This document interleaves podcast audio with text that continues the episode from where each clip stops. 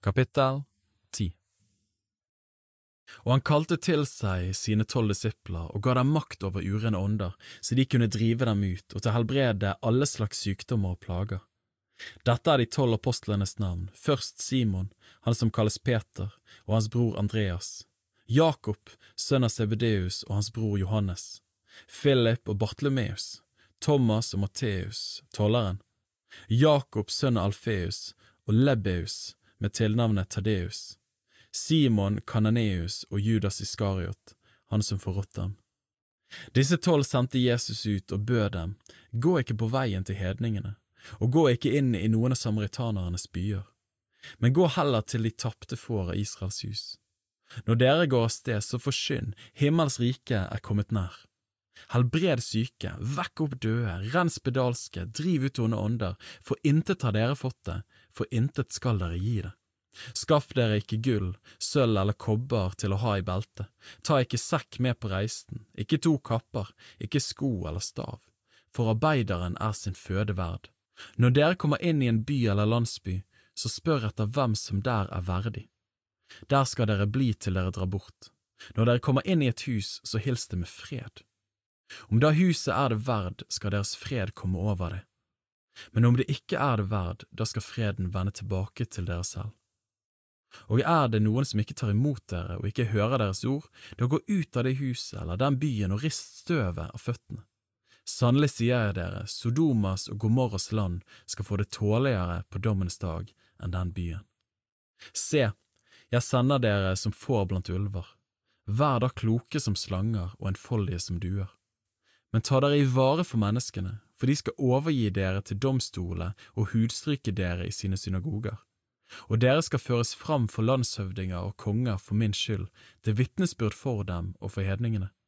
Men når de overgir dere, vær da ikke bekymret for hvordan dere skal tale eller hva dere skal si, for det skal bli gitt dere i samme stund hva dere skal si.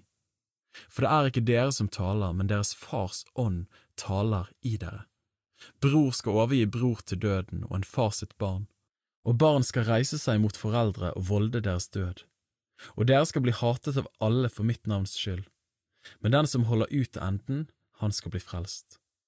Når de forfølger dere i én by, så flykt til en annen, for sannelig sier jeg dere, dere skal ikke bli ferdig med byene Israel før menneskesønnen kommer.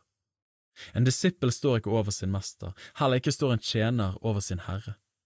Det er nok for disippel at han blir som sin mester, og for tjeneren å bli som sin herre. Har de kalt husherren Beelzebul, hvor mye mer da hans husfolk? Frykt da ikke for dem, for ingenting er tildekket som ikke skal bli åpenbart, og ikke noe er skjult som ikke skal bli kjent. Det jeg sier dere i mørket, tal i lyset. Det som dere får hvisket i øret, forskynd det fra hustakene. Frykt ikke for dem som dreper legeme, men ikke kan drepe sjel. Frykt heller for ham som kan ødelegge både sjel og legeme i helvete. Selges ikke to spurver for én skilling, men uten deres far faller ikke en av dem til jorden. Men endog hårene dere har på hodet er talt alle sammen. Frykt derfor ikke, dere er mer verd enn mange spurver. Derfor, vær den som bekjenner meg for menneskene, ham skal også jeg kjennes ved for min far i himmel.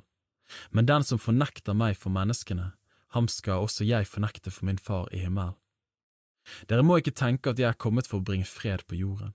Jeg er ikke kommet for å bringe fred, men sverd. Jeg er kommet for å sette skille mellom en mann og hans far, mellom en datter og hennes mor, mellom en svigerdatter og hennes svigermor, og en manns husfolk skal bli hans fiender. Den som elsker far eller mor mer enn meg, er meg ikke verd. Den som elsker sønn eller datter mer enn meg, er meg ikke verd. Og den som ikke tar sitt kors og følger etter meg, er meg ikke verd. Den som finner sitt liv, skal miste det, men den som mister sitt liv for min skyld, skal finne det. Den som tar imot dere, tar imot meg, og den som tar imot meg, tar imot ham som har sendt meg. Den som tar imot en profet fordi han er en profet, skal få en profets lønn, og den som tar imot en rettferdig fordi han er rettferdig, skal få en rettferdig manns lønn. Og den som gir en av disse små om så bare et beger kaldt vann fordi han er en disippel, sannelig sier jeg dere, han skal ikke miste sin lønn. Eh, makt og autoritet eh, var viktig i Den nye testaments verden. Sånn, både på den sosiale og den åndelige arenaen spilte hierarki eh, en veldig viktig rolle i å bestemme hvem som skulle lyttes til, og, og hvem kunne ignoreres. Um, budskapet Jesus ønsket å formidle, var tydelig. Uh, I kapittel fire uh, det står fra da av begynte Jesus å forkynne, vend om, for himmelriket er kommet nær. Så spørsmålet var for de som hørte etter dette Har denne mannen makt eller autoritet til å si disse tingene? Er, dette egentlig noen vi trenger å lytte til?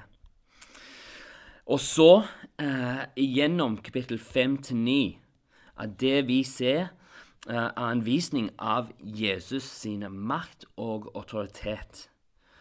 Uh, først i hans undervisning i bakpreken det er den, uh, den som får høre um, de, de, blir slått av undring av den myndighet han viser, bare i, i den måten han, uh, han underviser.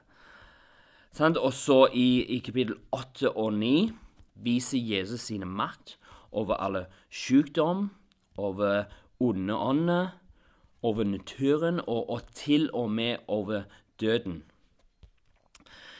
Sånn, jeg tror Matteus, når han skriver dette, det han prøver å gjøre og, og vise fram og som spesielt han, Matteus han skriver først og fremst til uh, jødiske folk. Og så han prøver å vise frem at Jesus sin autoritet er større enn noen andre. Så han større enn overpresten, større enn kongen, større til og med Moses, som de jødiske folk så til som den som hadde mest autoritet gjennom Det gamle testament.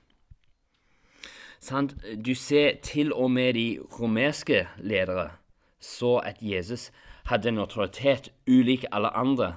Eh, I den historien i kapittel 8 eh, kommer en av de romerske eh, soldater, og de sier til han, Jesus, bare si ordet, og med den kraften du har, da vil det bli gjort. Da vil den helbredelse komme. Han innså uh, det autoritet Jesus hadde. Så, uh, etter å ha etablert sin makt over hele skaperverket, over liv og død, kaller Jesus disiplene sine til å, å hjelpe ham i, i eh, arbeidet med å forkynne budskapet. Sant? De er sendt ut, og, og, og mens de forkynner, skal de også bekrefte sine ord ved å, å utøve autoritet over den naturlige og over den åndelige verden. Eh, evangeliet skulle først gå til de jødiske folk, sa Jesus. De som hadde vært Guds utvalgte folk. Det er de som først har fått muligheten til å motta invitasjonen til den nye pakt. Eh, Seinere, da det ble fulgt med Ånden, ville disiplene eh, bli sendt ut over hele verden for å forkynne de gode nyheter. Eh, men foreløpig skulle de holde seg innenfor Israels grense. Deres jobb var å vise at, ting var i endring for Guds folk.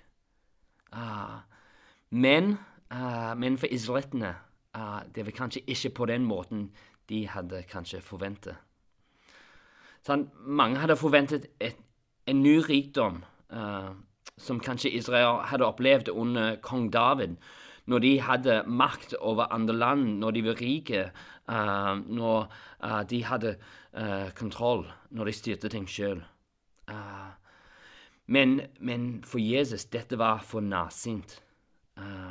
Jesus hadde mye større planer. Sant? de, de syke de ble helbredet, de blinde kunne se onde ånder ble drevet ut.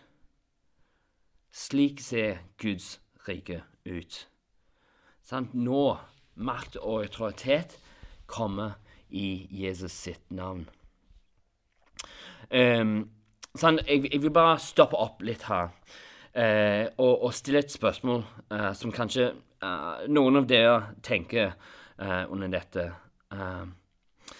Sant? De disiplene, Jesus gir dem en makt og autoritet uh, på å gå og helbrede og drive ut disse åndene og, og gjøre onde og, og tegn av dette et ny, nytt rike aha. Så spørsmålet er er vi nå som disipler er vi gitt den samme autoritet som uh, de første tolv disiplene på denne turen.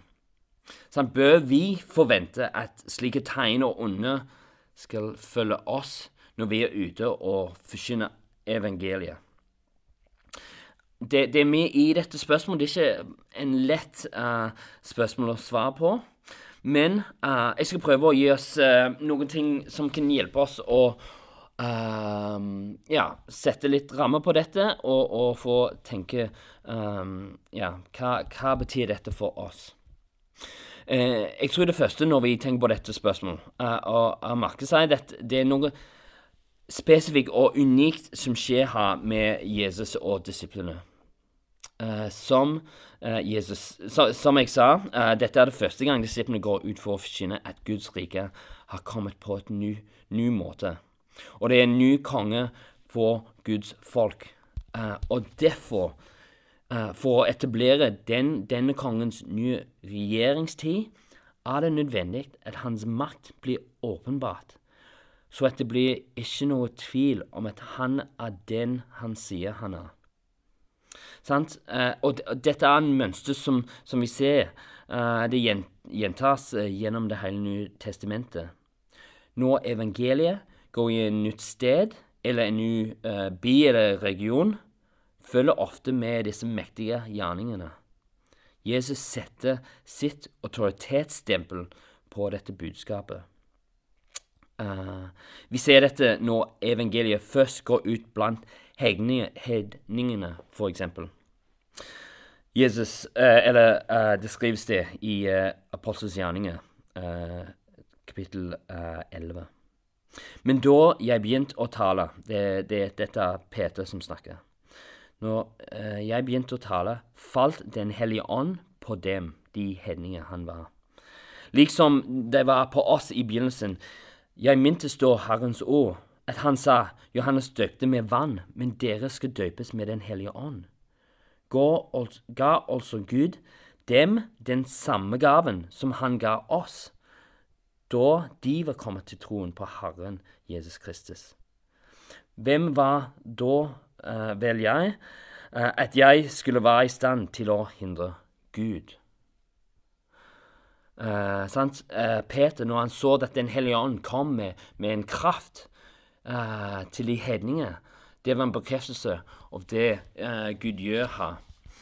Uh, jeg tror det, det, er en element med en makt, maktdeling som er unik, fordi det er noe som er nytt i historien av, av Guds frelsesplan på jorden.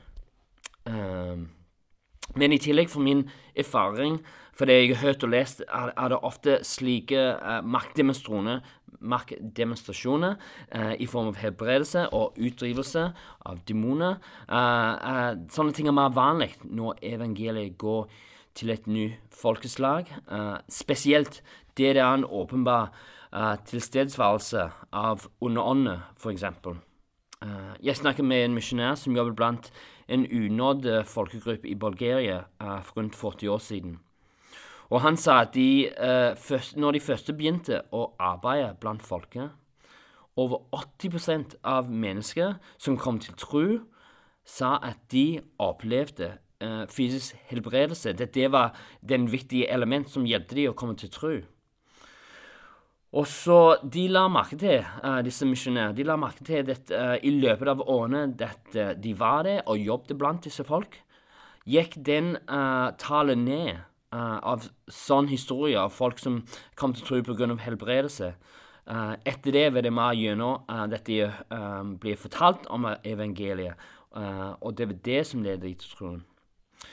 Så det, det, er litt vanskelig å konkludere noen sånn 100 her. Jeg, vet ikke hvis det er noen regler her, men det ser ut til å være en viss sammenheng mellom når evangeliet går i, inn til nye steder med, med eh, som kommer med en mer aktiv til, tilstedeværelse av sånne tegn og under.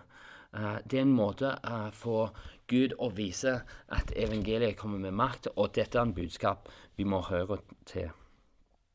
Um, men, men, det, er ikke, det får bety at sånne ting er ikke helt fraværende i, i vår erfaring har et land hvor evangeliet har vært til stede i, i hundrevis av år.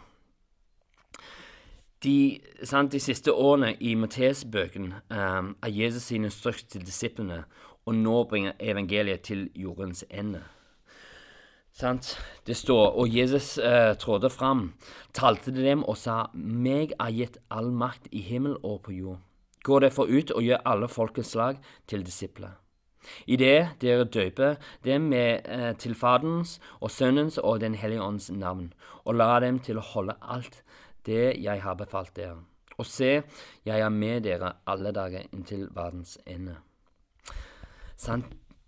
Den oppstandende Jesus sitter nå på sin himmelske trone, og all makt og myndighet er nå i hans hender. Og, og nå som hans ambassadører uh, vi deler uh, en del nå av hans autoritet. Vi uh, representerer ham nå, og er vår jobb å fortsette det arbeidet med å utvide hans rike her på jorden. Og som en del av dette gir Jesus oss ulike gaver, eh, som inkluderer former for helbredelse og profetier, eh, men også for undervisning og evangelisering eh, og, og, mye forskjellig her. Eh, som troende har vi også jeg tror vi også har en autoritet og makt i Guds ord. Uh, det er sannheten som er inni det, og, og de, disse løfter som vi finnes i Guds ord det finner vi òg en autoritet. Uh, så når vi går ut, vi har Guds ord bak oss. Uh, så for å oppsummere dette uh, liten gang over å tenke gjennom dette Jeg tror det, det som var normalt for disiplene Jeg tror vi kan ikke nødvendigvis si det vil være normalt for oss. Um, ja, jeg, jeg, tror det er en sånn noe som var unikt her uh, med dem, og den autoritet at Jesus ga dem uh, for en bestemt tidsperiode. samtidig er Jesus han er fortsatt kongen. Vi er fulgt av Hans ånd, og, og Gud gjør fortsatt sitt arbeid gjennom oss. Um, ja, det er, mye, det er, mye, mer vi kunne si om dette, uh, men vi skal fortsette i, i den teksten vi har i Matteus 10. Ok, i, i vers 9 til 15 uh, uh, gir Jesus uh, disiplene flere instruksjoner om hvordan denne misjonsreisen vil se ut. Uh, de skal ikke ta med seg penger, ingen ekstra klær eller, eller, de andre ting de kanskje trenger. Men de går forbi til by skal de finne folk som viser dem fred og gjestfrihet for å få uh, det de trenger. Uh, mens de primære hensikten sant, med denne turen uh, var selvfølgelig å, var å fortelle uh, til Israels folk om at Guds rike har kommet. ser Jesus òg dette turen som en mulighet for disiplene til å vokse i sin tro. Han vet alt som ligger foran disiplene. Han vet at han ikke kommer til å være med, sammen med dem veldig lenge. Og så de trenger å lære å stole på at Gud vil forsørge for alt uh, de trenger, i alle situasjoner uh, de finner seg i. Sånn, hvis vi uh, ser tilbake Eller jeg brukte tidligere uh, en bilde i en tale um, siste semester. Og det er en sånn, uh, sånn Venn-diagram, og du har himmel og jord. Og så det er en overlapp det. Og, og som disipler, sant, vi bor i denne, denne, plassen. Vi er på en måte nå uh, statsborgere uh, i himmel allerede, men vi fortsatt bor uh, på jorden. Og så når, når, vi går ut i, i denne verden, vi representerer Gud og Hans rike. men når vi går ut Når vi på en måte vi går ut i fiendens territorium så vi, når vi tar dette uh, budskapet med oss Vi vil treffe folk ut i verden um, som, som vil ikke være, de vil ikke være interessert å høre på oss. Og samtidig vil ikke være villige til å gi opp. Det, det er en kraft, det er en kontroll, det er en autoritet at de har for å la Jesus være konge. Og det var viktig for, for disiplene til å forstå dette.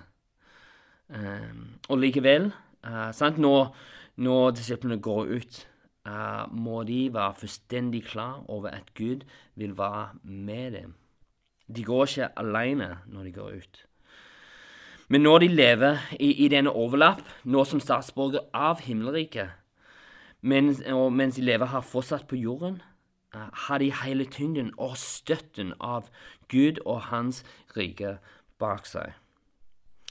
Så budskapet som blir gjentatt om igjen og om igjen i, i resten av kapittelet Jesus sier 'frykt ikke'. Frykt ikke. Uh, han sier du, du er mer verdt enn uh, spøve. Du, jeg ser deg, jeg kjenner deg, sa Jesus. Så du trenger ikke å frykte. Jesus sier de ble sendt ut som sauer blant ulver.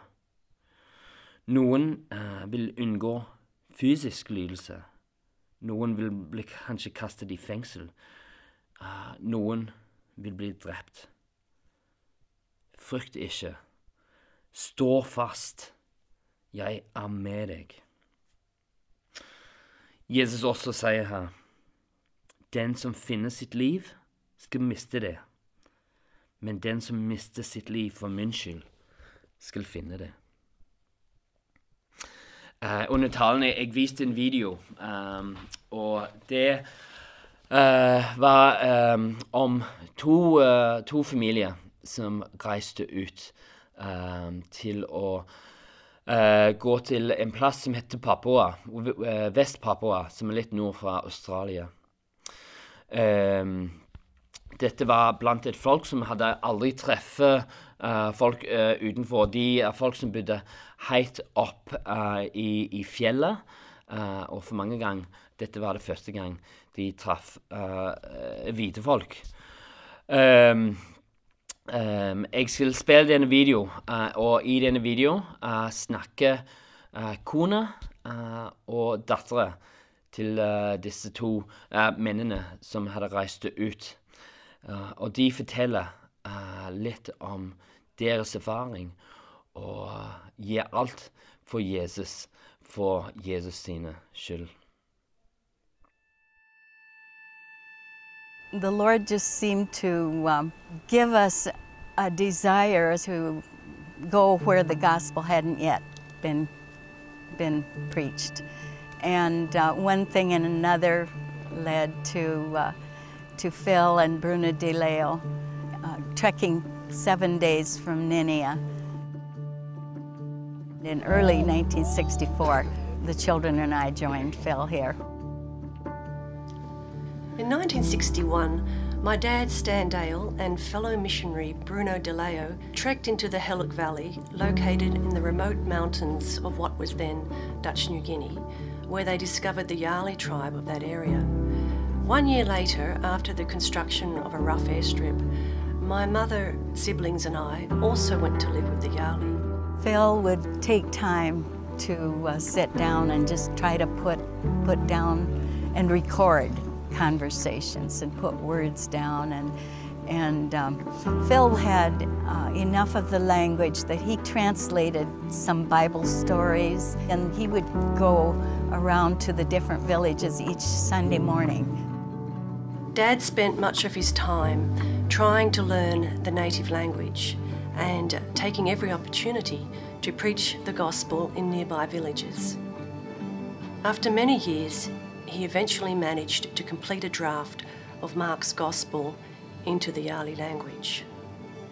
My mother was a nurse and a midwife and used her skills to bring medical help to the people. She had a particular burden for the women who had very difficult lives. When my dad first came into the Helik Valley, he wrote the following in his journal.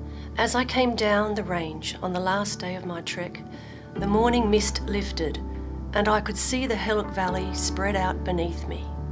a great longing came to me to hear songs of praise to God in that valley and to see groups of Christians in all its villages. And I stood there for a moment and in faith claimed the valley for Christ. When Phil and Stan left that last time, I just, in retrospect, feel that the Lord was giving me some premonitions.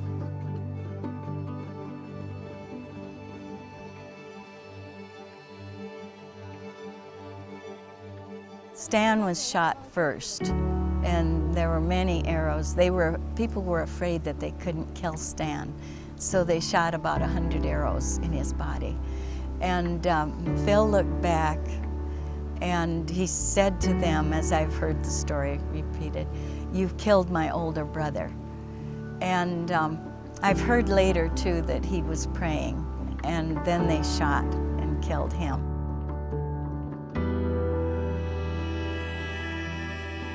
It didn't seem to me when I left after Phil was killed that anything had been done.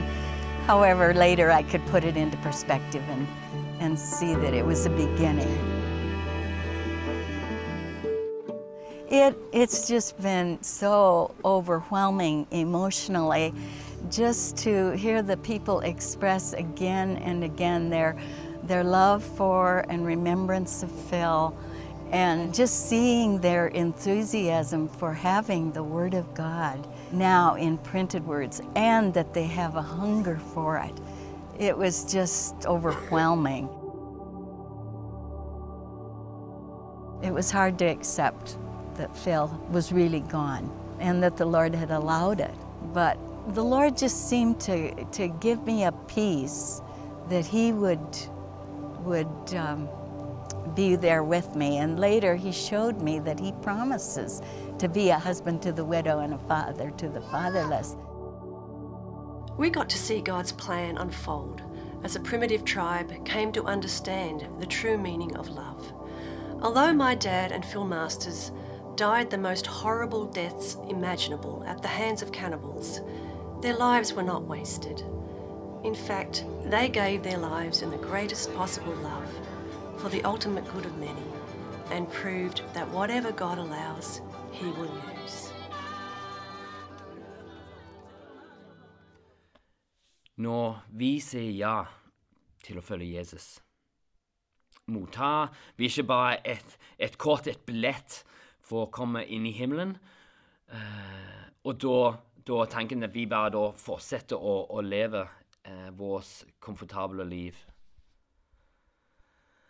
Og, og selv om det ikke koster oss noe å ha Jesus som vår frelse, sant?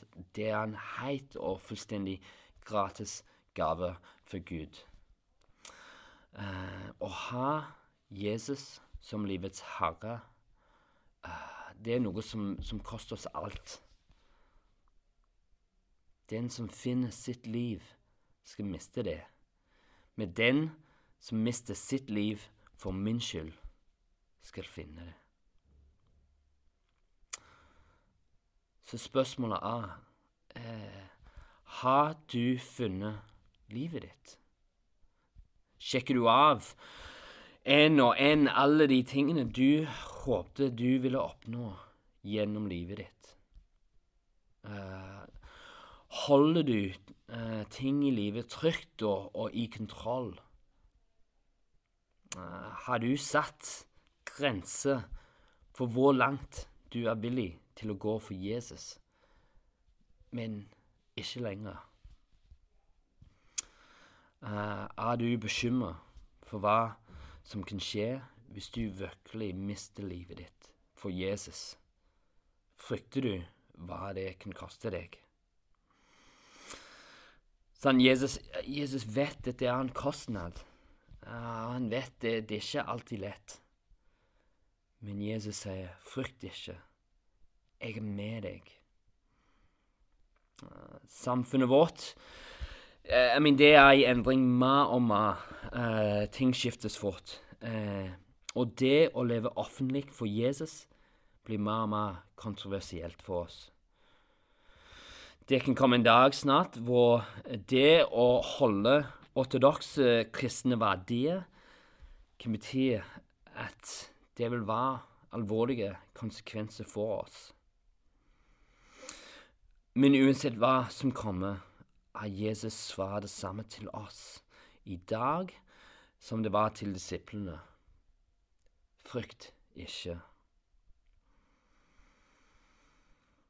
Sant? Det er viktig for oss å ta litt tid og, og tenke og komme før Jesus. Eh, har vi mistet livet vårt for ham? Er det ham eh, som er nummer én for oss i de ting eh, vi bestemmer, i de retninger vi tar, i de valg vi tar? Når vi er blant folk, er vi villige til å stå for Jesus og være hans ambassadører. Eh, ta litt tid og, og, og være litt i bønn og spør Gud. Er det noen måter i livet jeg må forandre? Er det noen områder jeg holder av i kontroll for meg sjøl? Fordi jeg, jeg, frykter ikke hva det vil si å gi det over til deg. Gud er god. Han har lyst til å bruke deg. Uh, uh, til å, å være uh, hans ambassadør og ta og vokse hans rike her. Eh, men vi alle trenger å komme og legge noe livet vårt før ham, så at han uh, kan bruke uh, oss på den måten han har skapt oss til. Så frykt ikke å komme til Jesus, fordi han har lyst å gi deg mer enn du kan tenke. Gud, vi takker deg at du er med oss alltid. Vi takker deg at du gir oss løfter som vet vi uh, trenger ikke å frykte. Uh, Gud, jeg ber at du fyller oss med ditt ånd, så vi kan leve som dine disipler fullt og heit. Ikke noen begrensninger, ikke noen bekymringer, ikke noe frykt. Uh, men vi kan leve med den evighetsperspektiv. At det er det vårt liv handler om. Og så Gud bruker oss til å være din ambassadør og gå med den autoritet du har gitt oss, så vi kan forkynne din uh, gode nyheter. I Jesus sitt navn. Amen.